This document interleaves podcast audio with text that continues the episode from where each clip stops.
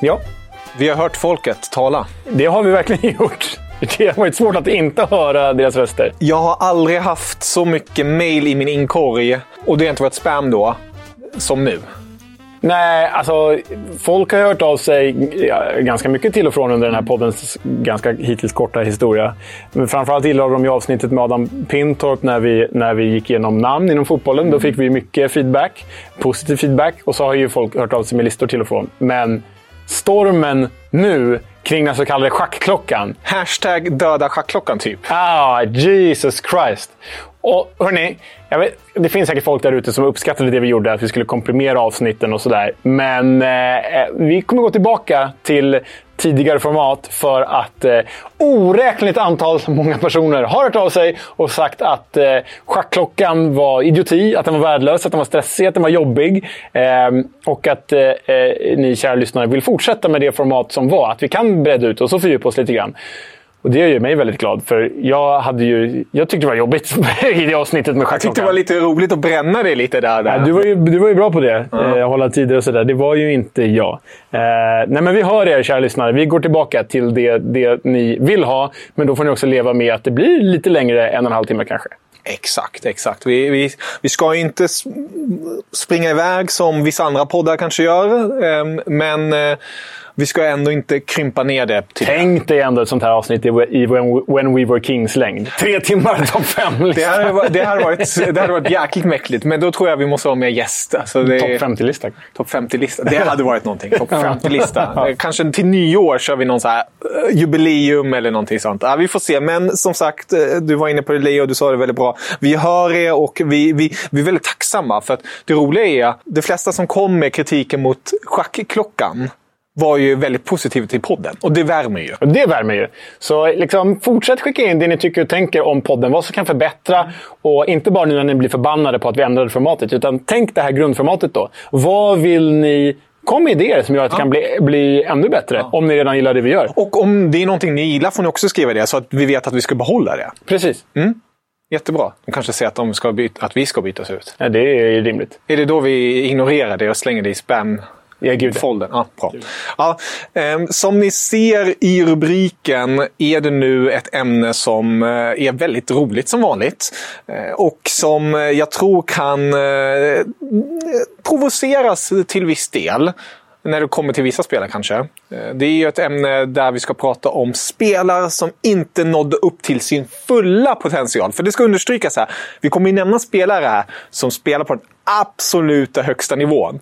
Men som vi personligen tycker inte nådde upp ända hela, ända hela vägen. Kan man säga så på svenska? Nej, du får nog välja, du får välja väg helt enkelt. får välja väg. Som inte nådde upp hela vägen, enkelt sagt. eh, Till det man tycker att de borde ha lyckats med. Precis. Och det här har väl liksom... Alla de här spelarna som vi kommer att prata om idag, i alla fall på min lista, jag antar att det är liksom lite samma bedömning utifrån din lista också, men de har ju en bakgrund av att vara väldigt håsade som ungdomar. Det är inte bara att Kevin eller jag har känt att Åh, Kalle Johansson i, i Karlstad United skulle bli bra. Det är inte sådana spelare, utan vi pratar ju liksom spelare som det skrevs och rapporterades väldigt mycket om i unga år. Kanske var med på någon 442-lista över mest lovande ungdomar och supportrar liksom hängde upp hela sin klubbs framtid på den här spelaren. Och så blev det inte riktigt så. Nej. Det är den typen av spelare vi pratar om. Och sen har vi faktiskt gjort en begränsning här. För eh, eh, vi håller oss till 2000-talet i det här avsnittet. Yes. Eh, för det är ju... Det blir Den här lurigt typen av- för oss när vi inte levt på den tiden. Och det är också en annan... Man kan inte jämföra den här tiden med då. Med sociala medier, med, med internet, med... Självklart fanns papperstidningarna då också. Men, Det, eh, det håsas ju mer nu, Exakt. vilket gör att differensen mellan hur liksom förstorad en spelare, hur, hur stor förväntningar kan vara på en spelare och hur spelaren faktiskt blev. Den differensen är mycket större nu än typ 1993 eller 1986 när jag är född. Exakt. Så. Eh, 86, är du så gammal? Jesus. Eller ännu tidigare, liksom 1971. För liksom många av de där talangerna som aldrig blev något på 60, 70, 80-talen, de hörde så, så många... De kände så många inte till heller. Exakt. Det är nu det rapporteras om dem ordentligt. Så det är liksom, urvalet är typ ändå större på hela 2000-talet än vad det är dessförinnan. Så Exakt. därför valde vi den här avgränsningen. Men vill ni skicka in egna listor utan avgränsning, gör det. Jag hör gärna om liksom, någon flamboyant fransman som aldrig blev någonting 1979. Eller en holländare som, som skulle bli liksom nästa eh, Der Gottenson, men blev inte blev det heller. Så, så skicka in! Gör det gärna. Och med det sagt tycker jag att vi börjar med vår lista. Och som vanligt när det är bara du och jag, Leo, äldst först. Ja, eh, får väl eh, erkänna att den här femteplatsen är väl lite inknöad, men det är för att jag ville ha svensk representation här. Jaså? Eller jag ville ha en svensk vinkel i alla fall mm. på en spelare som lovade väldigt mycket, men som aldrig, eller i alla fall inte hittills, nådde, nådde upp till, till vad de löftena sa. Nådde upp till den potentialen. Och därmed har jag tagit Valmir Berisha på femte plats. Jag vet inte om du minns honom Kevin, men det är inte så länge sedan ändå. Eh, han eh, kom alltså trea med Sverige i U17-VM 2013 eh, och vann ju då U17-VMs skytteliga. Alltså det här är ändå en skytteliga. Alla som vinner den här skytteligan, eller går långt i turneringen, blir ju inte någonting oavsett om de kommer från Italien, eller Nigeria eller Spanien eller vad det kan vara. Men många, det är en indikation på vilken talangfull spelare det, det faktiskt handlar om. Mm. Och Valmir Berisha vann ju den här skytteligan. Blev ju högvilt i hela Europa. Och värvades därför då från HBK, Halmstad BK, till Roma. Alltså är man så ung så blir det inga matcher i Roma. Men och istället följdes, då, följde då... Men jag menar, det båda ju, det båda ju gott när en klubb som Roma värvar honom. Men istället följde då klubbar som Panathinaikos, det är ändå en stor klubb i Grekland. Eh, Kambur i högsta ligan i Holland. Alltså det var typ en match i Panathinaikos och bara en handfull i Kambur. Inga mål. Därefter följde, i följande ordning, häng med på den här resan. Ålesund, Fjölnir, Väles Mostar och därefter ett harvande i rumänska halvfigur till klubbar. Idag spelar han i Minaur Bayamare i den rumänska andra divisionen och som bäst har den gode skyttekungen från U17-VM 2013, Valmir Berisha, gjort fyra mål för en klubb. Alltså det är, eh, det är inte alls vad man hoppades och trodde på som svensk. Nej, verkligen inte. Ehm, det är ju talande siffror minst sagt. Ehm, Blir lite så här... Man märker att du knär ju in honom, det får man ändå säga här. Att, att ta in honom i en topp 5-lista på spelare som inte nådde upp till sin fulla potential är ju det är eh, kanske lite, lite magstarkt att slänga in Berisha här. Men du har ett case med just vad han åstadkom i ung ålder och vad han sedan uträttade i, i sin fulla karriär. Eller fulla karriär, han spelar ju fortfarande, men han har uträttat hittills. Ja, ja alltså han är ju bara 26 år än så länge, så han, vem vet, han kanske lever upp till den här potentialen. Från, från, steget kanske inte är så långt från Minor Bajamare till Romas A-lag. Ja. Eh, vem vet? Jag hade lika gärna kunnat säga Goran Slavkovski här om vi ska ha svensk representation. Mm. Jag vet inte om någon minns honom, men han var ju svensk makedonier som slog alla tiders målrekord i Inters Primavera-lag, ungdomslaget. Mm eh, vid typ millennieskiftet. Just det, var, ah, just det. Och där blev det ju inte alls bra. Han slutade väl sen i liksom någon, eh, division 5 i Skåne, tror jag. Så det stod mellan Valmir Berisha och eh, Goran Slavkovski, men det blev Valmir Berisha. Mm. Ja, roligt, roligt, eller kanske inte så roligt för, för Berisha att nämnas i, i, på den här listan, men ändå på ett sätt med tanke på att man har högre krav på honom än vad han har uträttat hittills. Då. Eh, men det, det är ingen spelare jag hade på min bruttolista. Nej, det, nej. Det, det kan jag vara ärlig med att säga. When you make decisions for your company, you look for the no-brainers. If you have a lot of mailing to do, stamps.com is the ultimate no-brainer. Use the stamps.com mobile app to mail everything you need to keep your business running with up to 89% off USPS and UPS. Make the same no-brainer decision as over 1 million other businesses with stamps.com. Use code program for a special offer. That's stamps.com, code program. Vem har, nu kommer vi till din femma då. Vem är det då? Det är ett eh, betydligt mer välbekant namn, skulle jag vilja påstå. Jäkeln eh, bombade till exempel hål i det tyska nätet en gång i tiden. Mm -hmm. Och stod för en scen som är, eh, är ikonisk, skulle jag vilja påstå. Eh, för den moderna fotbollen. Det är nämligen självaste Super Mario, eller jag vill inte kalla honom Super Mario för det finns bara en Super Mario, det är Super Mario Götze. Men det här är Super Mario Balotelli. Ja, ja, ja. ja. Och, Götze hade också kunnat vara med på en sån här lista. Ah, ja, ja. Han, han, han löste ändå VM-guld till Tyskland. Det är, jo, jo. Då, då har man ju uppnått något. Balotelli löste en EM-final till Italien. Ah, EM-final, det, det Okej, okay, berätta. Varför är han med på listan? Men han, han är med på listan eh, på många grunder, men den, den självklara grunden är ju att man har ju sett den här råtalangen som han besitter besitter. När man väl har fått styr på Mario Balotelli så har han levererat. Han är ju en spelare som har varit de största klubbarna. Han var ju Inter, eh, gick sen till, till City, sen gick han till Milan, han var också i Liverpool. Men man har aldrig riktigt fått ut det fulla av honom. Han, det känns som att i vissa perioder har det kommit ut eh, den här fulla potentialen som man kanske tror att han besitter. Men det känns som att det är någon ond ande på ett sätt i honom som eh, inte vill släppa tag om honom. Och att det hela tiden kommer skandal efter skandal. Vi hade ju Therese Strömberg här ehm, och, och pratade om ikoner i Premier League. Och där är ju Mario Balotelli en, en sån där ikon med alla hans olika meddelanden via t-shirts och konstiga sekvenser när han ska klacka in bollen med piruetter och sånt. Så det, det är en spelare som känns det som, med tanke på också hans bakgrund, det ska inte glömmas bort, en eh, tuff bakgrund och så, som vart det inte riktigt lossnade rent mentalt att han kunde hålla fokuset på bara fotbollen och utöva sporten som ett, ett fullblodsproffs. För då får man ju ändå påstå på ett sätt att han inte är ett fullblodsproffs ut i fingerspetsarna.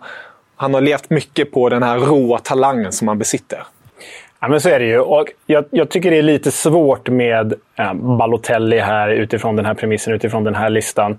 Eh, jag håller med dig. Mm. Jag har Balotelli med på min lista också. Mm. Eh, lite högre upp. Eh, jag tycker en annan person som har liknande e-, egenskaper och liknande karriär, det är ju Adriano.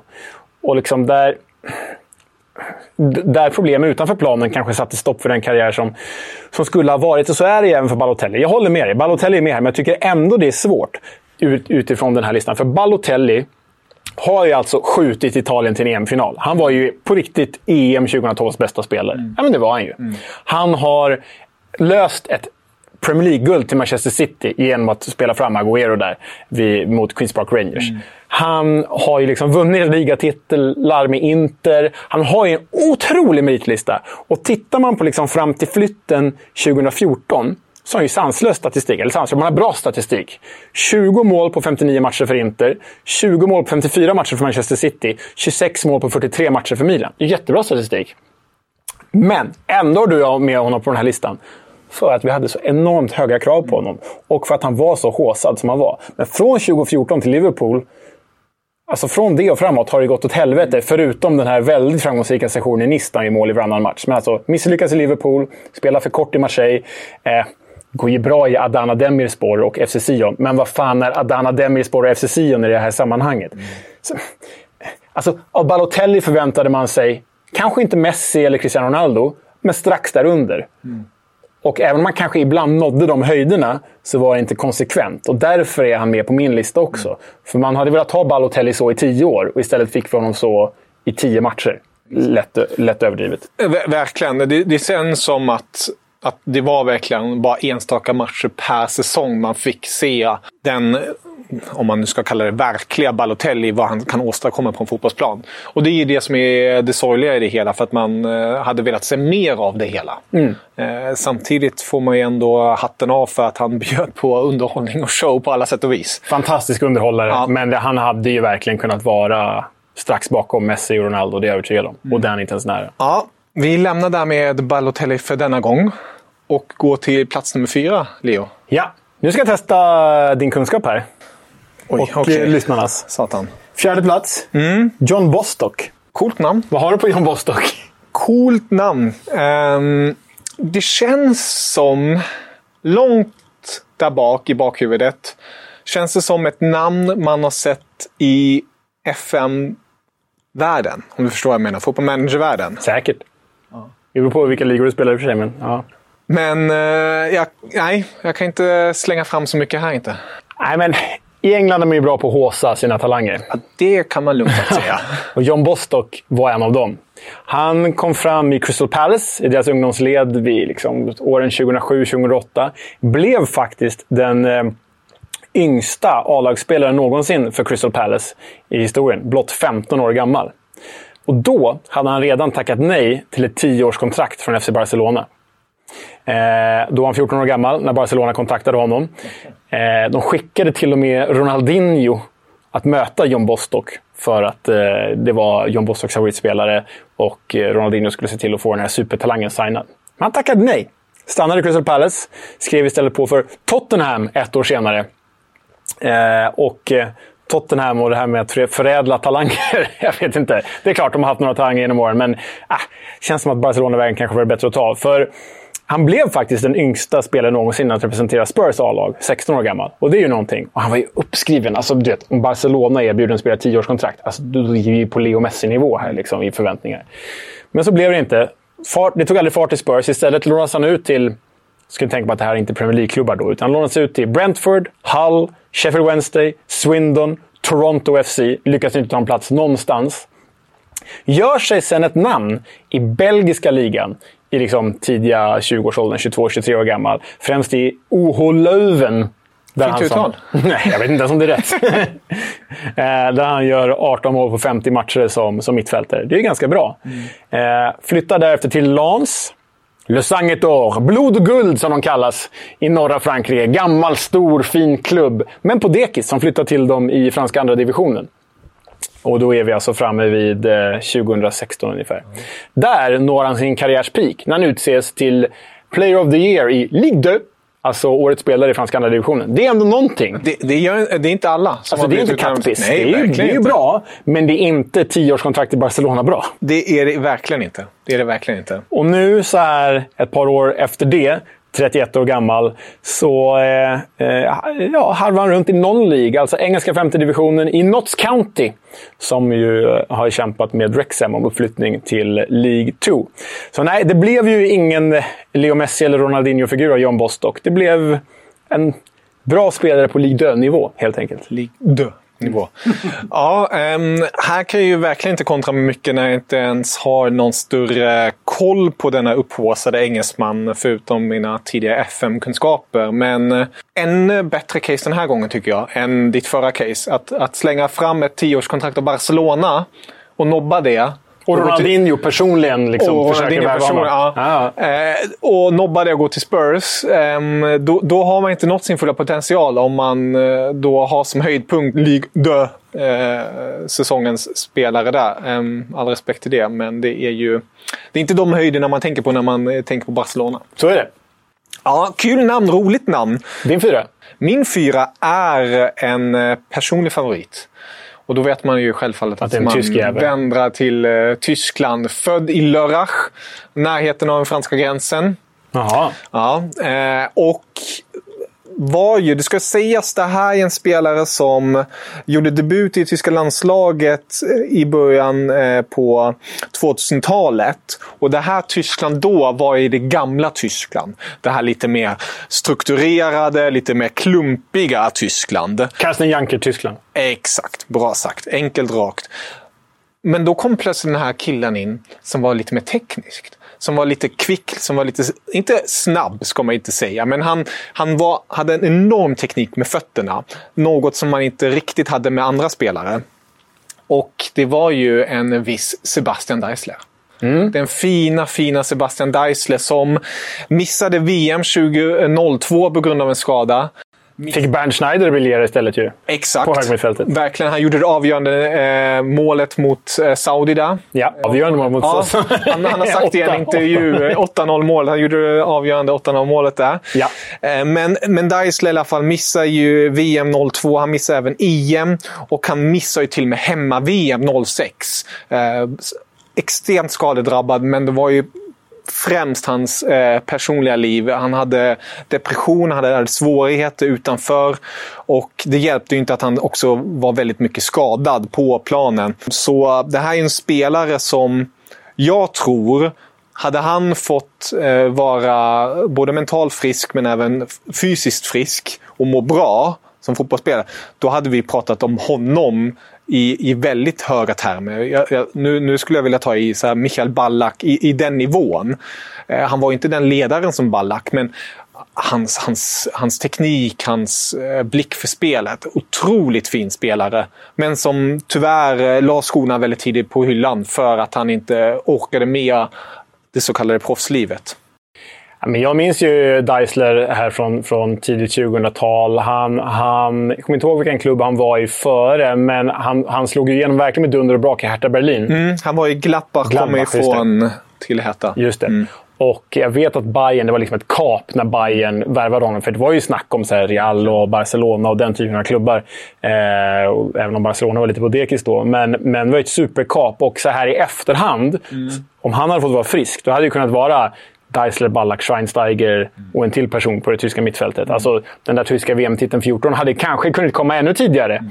med en frisk Deisler. Men du, du har ju rätt i att de, de, de mentala problemen tog ut sin rätt här. Eh, eller mentala problem, mentala sjukdomen ska vi säga. Mm. Han var ju eh, sjuk i depressionsstackaren. Eh, nej, men Deisler eh, fanns definitivt med på min bruttolista. Eh, alltså, värd att youtuba. Riktigt Verkligen. elegant spelare. Eh, och jag har inga invändningar här. Det är, menar att det är sorgligt. Sorgligt mm. att det blev som det blev. Verkligen. Det, han, var, han var före sin tid i Tyskland. Verkligen. Ja, det var han. Alltså verkligen. Det, nu är Tyskland mer välkänd, kanske mer just tekniker. Men Deisler var verkligen före ja, sin tid. Han stod ut, ja. Ja. Vem hittar vi då, som vi alltid säger så fint, på din pallplats? Plats nummer tre. Ja, men med John Bostock så avslutade vi nästan i Lans. Mm. Jag tänker att vi börjar i Lans här. Oj, okej. Okay. och Lans är ju, förutom att vara en gruvklubb och eh, känd som blod och guld, mm. så är de också en av Frankrikes främsta eh, akademier.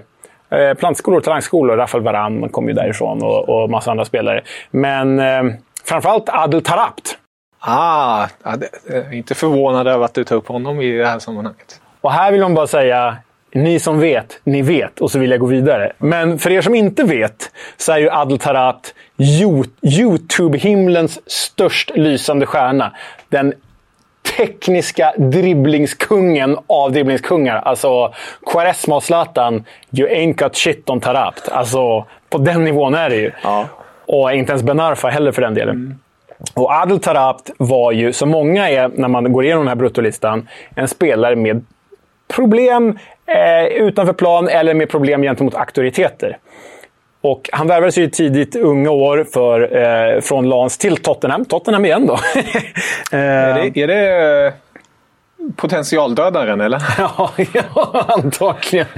Eh, och spådde sig en lysande framtid. Eh, fick göra ett par matcher som, liksom, som 17, 18, 19-åring, tonåring. Lånas ut, men lyckas inte. Lånas ut till Queens Park Rangers.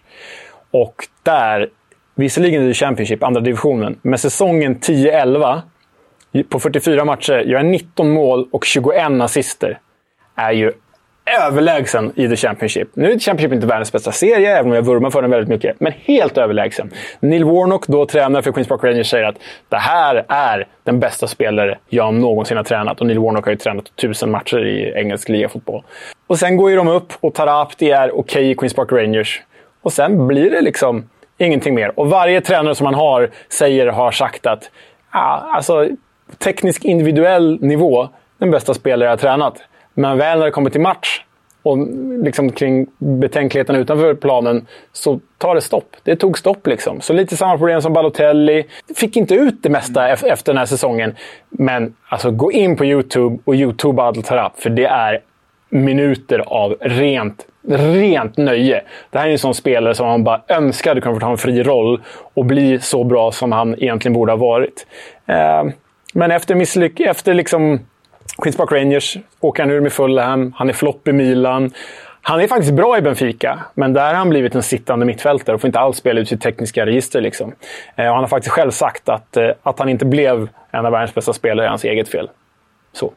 Älskar ändå att han eh, säga det Insikten, ja, Insikten att jag kunde bli världens bästa spelare. Mm. Uh, det är ju ett namn som definitivt uh, fanns på en, en bruttolista när man tänker på de här spelarna som är upphåsade. Och också väldigt tacksam tid för en sån spelare som har den här konsten med bollen i Youtube-eran. Alltså, han, det var ju också ah. lite rätt i tid på alla sätt och vis. Verkligen. på ett sätt. Så, uh, det, det, är väl den spelaren hittills som jag känner på din lista som jag verkligen uh, jag har inga invändningar på. Uh, John Bostock hade jag för dålig koll på. Valemir Berisha som du var inne på tycker jag det knädes kanske lite väl Jag vill ha svensk representation. Ja, jag förstår. Jag förstår. Men uh, Adel Tarapt, ja, jag vet ju att det är vår kära vän Oskar Kiski skriver säkert också under på det här. Ja, definitivt. Det här det, är, det gör Ja, Championship-legend. Så är det. din, pall, din pallplats nu då? Ja, nu eh, du eh, ska vi gå till en spelare som...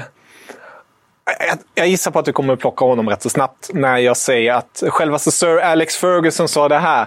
The best kid you will ever see. Ravel Morrison. Ja. Det är en spelare som jag tror de flesta som spelar Football Manager har eh, korsat vägar med. Det är en spelare som eh, har en längre klubblista än eh, vad vi har tid med att eh, rabbla upp idag.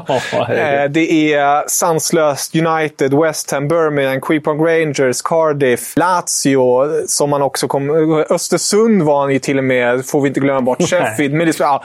Ja, ni hör. Alltså, det här är en spelare som har har, eller eh, man kanske ska säga hade, han, han är ju fortfarande aktiv. Han spelar i DC United nu för tiden. Med Wayne Rooney som tränare? Med Wayne Rooney som tränare. Undrar varför.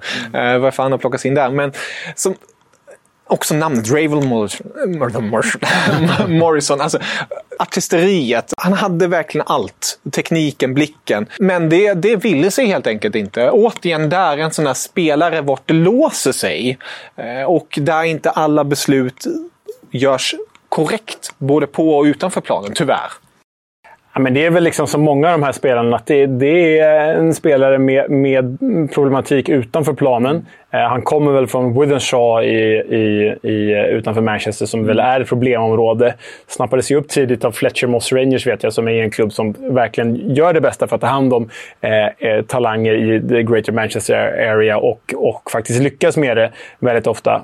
Och jag tror någon som sa, jag vet inte om Gary Neville som sa det, men he could unravel any defense. Alltså, vad säger man, nysta upp ja, vilket försvar som helst. Ja. Och det är ju passande med det namnet. Nej, men det är ju... Det är, det, jag häpnade lite när han skrev på för Östersund för några år sedan. Ja, det, det var ju helt det, otroligt ju. Ja. För det var ju, som du säger, Sir Alex Ferguson har sagt att det här är den bästa talangen jag någonsin har ja. tränat. Och så var det problematiken utanför. Men jag var till hans försvar, och det absolut, han nådde absolut inte upp till den nivå som vi pratar om. Men i, i, jag följer Championship väldigt noga genom den Championship-podd som jag gör till vardags, som du klipper. Eh, och där hade han faktiskt en ganska bra säsong med Derby mm. förra året. Vilket gladde mig. Mm. att så här, Nu åkte ju Derby ur, men Revel Morrison var faktiskt bra. Exakt. Eh, så det gladde mig att se att jag kunde prestera på någon slags nivå. Men absolut ett namn för min bruttolista. Inte med på min topp fem, men jag håller med dig. Det här, var, det här kunde blivit så mycket bättre. N när vi går igenom här är det ändå mycket det är anfallare, det är mittfältare, mycket där. Men man håsas väl inte lika mycket som försvarare ändå? Nej, det Kolla på den här gör. två meters skithögen som ska nicka bort bollar. Liksom. ah. Det kanske inte är så. Nej, vem, vem hittar vi på din andra plats, kompis? Han har redan pratat om. Mario Balotelli. Finns inte så mycket mer att tillägga där egentligen. Eh, mer än att han nådde ju höjden, precis som Adriano, mm. nådde ju höjden så många gånger, men inte kontinuerligt. Och det är därför han är med på listan. Din två då? Min två har du faktiskt också redan nämnt i förbifarten. Mm. Och eh, likt Deisler är du en spelare, som de andra också, men också hade tyvärr eh, svårigheter utanför. Eh, det är ju Adriano vi har ju nämnt honom i många sammanhang i andra poddar när vi pratar om anfallare, anfallspar så. Men det är så jäkla sorgligt. Ur många plan. Självklart eh, först och främst det mänskliga planet. Men om vi bara ska se på det sportsliga och det fotbollsmässiga. Den här, det här är ju en anfallare vi hade definitivt slängt in på en topp tre-lista kanske när vi snackar om bästa anfallare under 2000-talet. Om han hade fått leva ut fullständigt. För när han väl spelade, var frisk och levererade på den nivå man vet att han kan leverera, då var, han var ju ostoppbar. Han var ju bokstavligen en tank. Och likt Zlatan är det ju fascinerande att se så stora spelare som har den tekniska begåvningen och den snabbheten. Det är... Det är... Och den vänsterfoten oh, alltså. Den frisparksfoten. Nej, jag, Adriano. Jag tänkte ta med Adriano på topp 5. Och sen tänkte jag att nej, men Kevin har nog med Adriano, så han kommer, vi kommer få berätta om honom ändå. Mm. Men jag håller ju med. Alltså det, det här är ju så sorgligt, för det som liksom förorsakar vändningen i hans karriär, det är att hans pappa går bort oväntat.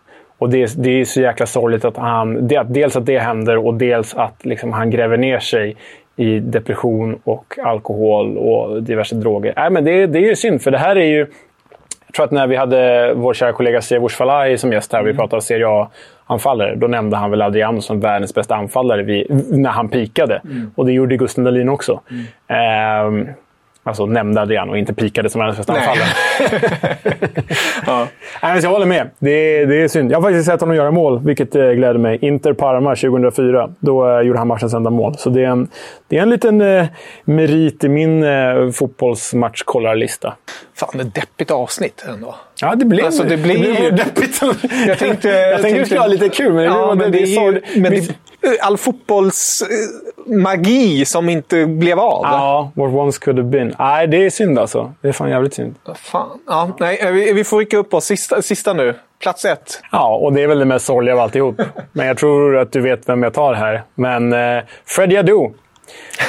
En eh, amerikanen eh, med ghananskt ursprung då, som slog igenom som 14-åring. Ja. Hyllades i MLS som den största eh, talangen i alla idrotter någonsin. Inte bara fotboll. Största talangen i alla idrotter någonsin i USA. Sanslöst. Och skulle bli nämndes som den ikon som skulle globalisera MLS.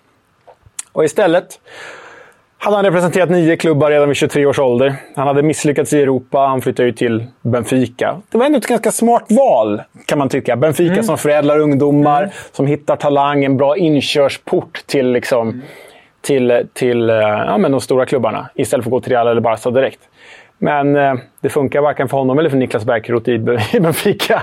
Så eh, istället, vet ju många vid det här laget, alltså istället för Barca, Real eller Manchester United så blev det ju Aris, Bahia, Jagodina, finska Kups, Österlen. Ja, det är ju så jävla sorgligt liksom. Tänk dig den pressen. Hur är det möjligt? Tänk dig den pressen. Ja. 14 år gammal och du får all all världens uppmärksamhet på det. För det var ju, så- han var inte bara ett amerikanskt fenomen, det här var ett globalt fenomen. Det här var ju den nya, han kallades den nya Pelé. Och det var ju också, jag minns, eh, han var ju en givet köp på Football Manager. Eh, om vi återigen ska gå till det spelet. Alltså det, det, all den här uppståndelsen kring honom. Det är fan. Att Ah, man, det, det- borde nästan vara olagligt att göra en uppståndelse kring sådana spel när de är så unga. För att, vem vet, med rätt vägledning och med mindre press från sån ung ålder. Då hade du kunnat kanske burit frukt. Ja, ja, ja, ja. Han, har, han har liksom en okej säsong i karriären. Och det är ju när han spelar för Philadelphia Union i MLS. Då gör han, eller en och en halv okej säsong. Då har han sju mål på 35 matcher och ett gäng assister. Liksom.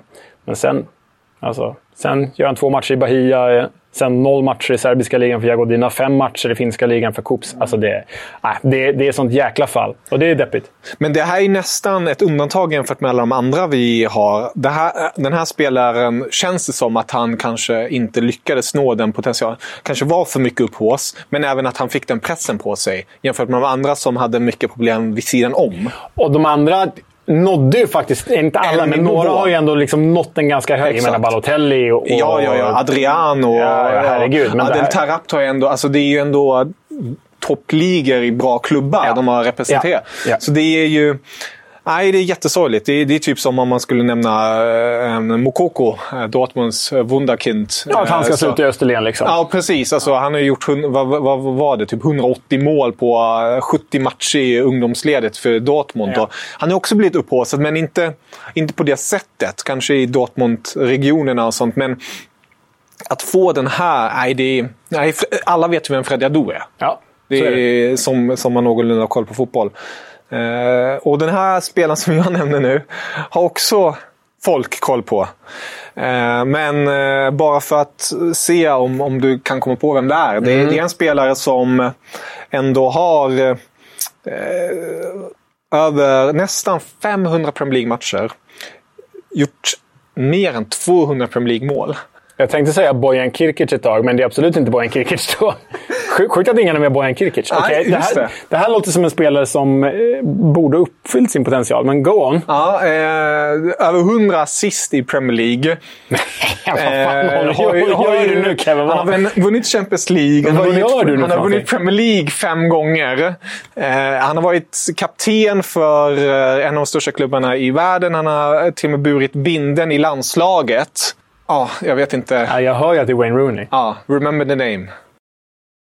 Ja, jag vill höra en motivering här. Jag, jag sitter helt förstummad och perplex på min stol och tror att din inkorg kommer att brinna upp! Jag tror du kommer ha jobbig läsning framför dig här på kvällarna, men, go on! Hör mig nu innan Jag ni hör. börjar knappra på tangentborden eller Ja, på er mobiltelefoner. Wayne Rooney är också självfallet en personlig favorit som har nått extrema höjder. Vi snackar här en av Englands bästa spelare genom tiderna. Men jag tycker, och eh, där har också tanken kommit tidigare, men jag tycker Frida sa det i ett tidigare avsnitt som vi hade med henne, Frida Fagerlund, ehm, med, med hans bakgrund och att han var ju också, om man tänker efter, han han satt ju laget framför jaget. Någonting man uppskattar väldigt mycket. Under Sir Alex då sprang han längs vänsterkanten ibland, han sprang längs högerkanten ibland. Men han var ju egentligen anfallare. Han var ju den här släpande anfallaren. Om man bara hade låtit honom spela där, om han bara hade kunnat um, lägga mer vikt i det professionella. Och det som fick mig att ta Wayne Rooney också, det var när jag hörde en intervju med uh, Rio Ferdinand. Och då sa han, tänk er om Wayne Rooney hade haft den mentala styrkan som Cristiano Ronaldo hade i den här extrema proffsigheten. Hur man, hur man äter, hur man tränar, hur man tar hand om sig själv. Mm. Och, och, och, inte gör eh, kanske mindre smarta drag utanför planen. Vadå? Tycker du Wayne eh, Rooney har tabbat sig utanför planen? Ja. Vad menar Jag förstår inte vad du menar. Ja. Vad hade vi fått se då? Och där skriver jag under Ferdinand. För Wayne Rooney har nått enorma höjder, men jag tror, skulle han haft den där mentaliteten som Ronaldo hade han också fått spelat på den positionen som är kanske den som gynnar honom mest. Vi hade ju, alltså när man scrollar ner på hans United-tid på nästan 600 matcher, då hade vi förmodligen sett 300 eh, eller 400 mål istället tror jag. För det är alltså... Förstå mig inte fel. Nej, men jag, jag... Han har nått höjder som många aldrig kommer nå. Men han hade kunnat nå så mycket mera, tror jag. Alltså jag förstår vad du far efter här. Mm. Att, eh, precis som Ferdinand säger, hur bra hade han inte blivit om han hade bara haft hjärnan på rätt ställe hela mm. tiden? Nu säger jag inte att Cristiano Ronaldo har haft det heller. Nej, det har han verkligen Men han har haft rätt träningshjärna. Exakt, vi, säga. Vi, vi, understryker här är det fotbollsgärningen vi, vi understryker med, med Ronaldo när det kommer till träning och diet. Ja, jag förstår vad du far efter, men jag måste ändå invända. Efter din motivering här och Rio Ferdinands uttalande så, så förstår jag vad du säger, mm. men jag tycker ändå inte att det håller. Vi pratar ändå om, i min bok, efter Messi-Ronaldo, 2000-talets bästa anfallare? Ja. Alltså, jag håller honom högre än Zlatan, till mm. exempel. Jag med. Det gör väl inte alla, men... men jag, jag, bra, bra där. Alltså, jag, det, det, måste vi också göra en topplista på. Eh, största talang under 2000-talet till exempel. Ja, ja. Och där, där håller jag Rooney så jävla högt. Alltså, jag håll... Men det här är ju alltså mm. Manchester Uniteds mesta målskytt genom tiderna. Han gjorde flest mål för Manchester United. Jag, så, alltså, jag förstår att du säger så här, att han, nu var han på 99 procent och hade han blivit 100 procent så hade, han blivit, hade vi pratat om honom som Cristiano Ronaldo och Messi. Jag fattar att du säger det, men jag kan ändå inte en sån här... Alltså, han presterade ju i, vadå, 10-15 års tid på ja. absolut högsta nivå. Vilket typ en Balotelli inte gjorde. Nej. Så jag, jag hör dig, men jag håller inte med. Ja, jag förstår. Men ah, det, det kliar verkligen i fingrarna. För att jag, desto mer jag tänkt på det, tänkte jag bara fan också. Att han, att, att, man in, att han inte fick växla ut. Det känns ibland som att han var ju en trogen jäkel. Mot, mot Manchester United och Sir Alex framförallt. Då. Alltså just att hur han stötte laget på det sättet. Mm. Eh, men ja, det hade varit otroligt att se. För att jag tror att då hade vi pratat om en trio istället. Messi, Ronaldo och Rooney. Ja, men det, så hade det ju kanske varit. Men det är ändå... Alltså bara titta på hans facit här i Premier League för United. 11 mål, 16 mål, 14 mål, 12 mål, 12 mål, 26 mål, 11 mål, 27 mål, 12 mål, 17 mål, 12 mål. Och sen blir det lite sämre där på de två sista åren, 8 och 5. Men... Jag hör dig, men nej. Mm. Ja. Vad tycker ni folket? Jag är helt fel ute. Wayne Rooney eller Freddie Adu? Ja, mm. ja den, uh, intressant. Men uh, Leo, det, det, var det här avsnittet. Ja, det var ju det. Ja, väldigt trevligt. Ja, men det var det. Gott folk. Skicka gärna in er listor och tyck gärna till om podden i stort som du var inne på i början av det här avsnittet. Ja, vilka saknar ni också här? Royston Drenthe kanske? Han var nära min lista. ja, det finns ju ett, ett par riktigt fina namn. Hade man kunnat... Karesma vet jag är ett namn som jag fingrade på. Där ska vi göra en topp fem eh, missförstådda spelare. För där ska Quaresma in på min lista. Ja, okay. Topp eh, top fem yttersidor kan vi också ta. Ja, det tar han alla fem, Nej, tror jag. Mats Hummels. Nej. Han är väldigt fin yttersida. Jo, jo. Modric också. Ja. Ah, ja, många listor. Ja, men eh, med det sagt Ta hand om er. Auf Wiedersehen. Hej, hej!